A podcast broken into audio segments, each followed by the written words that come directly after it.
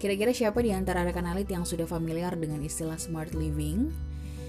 Keterbatasan lahan ini emang seharusnya nggak lagi jadi masalah dalam membuat desain interior rumah minimalis. Dilansir dari dekorrumah.com, beragam inovasi desain dan siasat penataan ruang ini bisa rekan alit terapkan untuk mengatasi permasalahan dalam desain interior rumah minimalis, baik dengan kreativitas sendiri maupun melalui bantuan desainer profesional.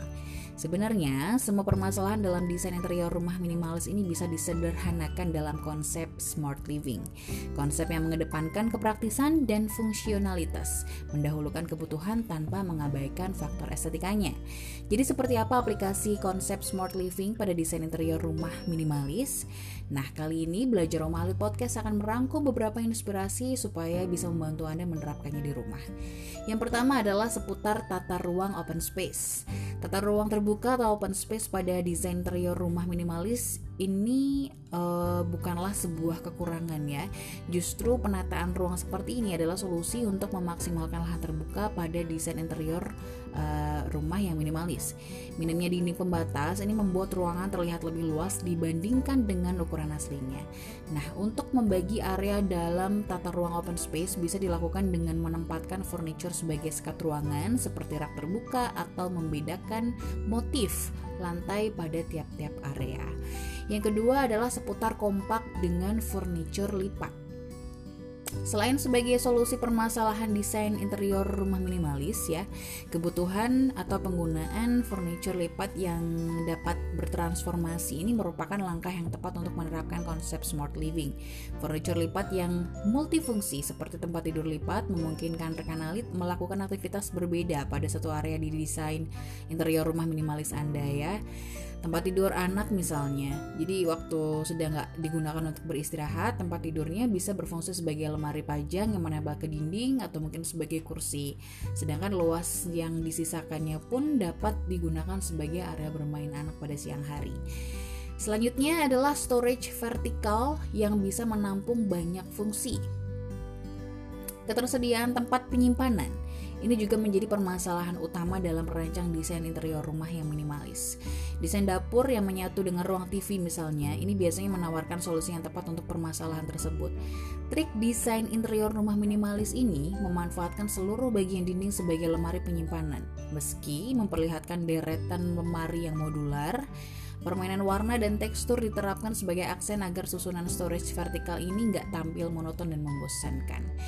Selanjutnya adalah bicara tentang lapang dengan furniture yang melayang. Furniture yang melayang itu yang seperti apa ya?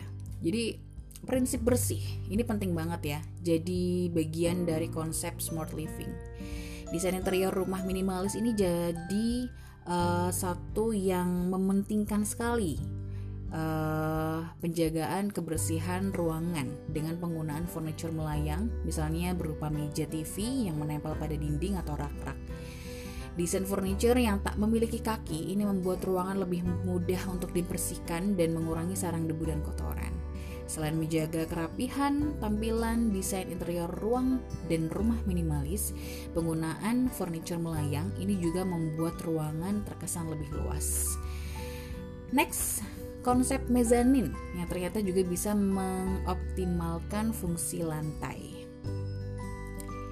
Desain interior rumah minimalis yang satu ini menggunakan konsep mezanin sebagai siasat desain di ruang mungil. Konsep mezanin sendiri dapat diciptak, diciptakan ya dengan menggunakan uh, tempat tidur menggantung ataupun membuatnya menjadi bagian dari arsitektur bangunan seperti desain interior rumah minimalis. Yang perlu diperhatikan dari desain interior rumah minimalis seperti ini adalah jarak ideal dari plafon ke dasar mezanin. Tinggi lantai mezanin ini bisa disesuaikan dengan tinggi pemilik hunian sehingga area mezanin dapat difungsikan senyaman mungkin. Jangan lupa juga tentang instalasi cermin yang ternyata juga bisa membantu menciptakan ilusi luas pada sebuah ruangan.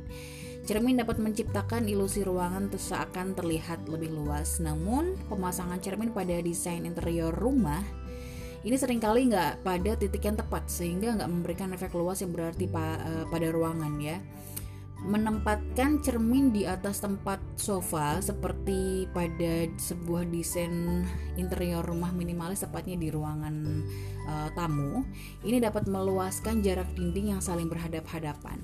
Instalasi cermin yang ditempatkan di samping susunan storage ini juga membuat ruangan terhindar dari kesan penuh. Jangan lupa juga untuk menyeimbangkan uh, kesan pada warna atau melakukan permainan warna pada tiap ruangan ya. Warna-warna cerah memang bisa merefleksikan tampilan minimalis pada interior ruangan, tapi bukan berarti desain interior rumah minimalis hanya terisi dengan perpaduan warna cerah aja. Kehadiran unsur kayu pada desain interior rumah ini bisa menciptakan tekstur dan menyeimbangkan perpadu, perpaduan warna cerah tadi. Itu dia beberapa ide desain interior rumah minimalis yang bisa rekan Ali coba di rumah.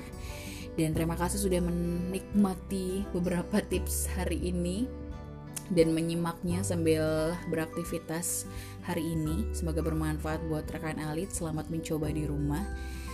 Sampai ketemu lagi di podcast Belajar Oma Alit selanjutnya. Jangan lupa untuk follow Instagram dan fanpage kami di Oma Alit dan save nomor WhatsApp dan telepon kami ya supaya Anda bisa lebih leluasa berkonsultasi seputar arsitektur dan interior Anda dengan tim kami di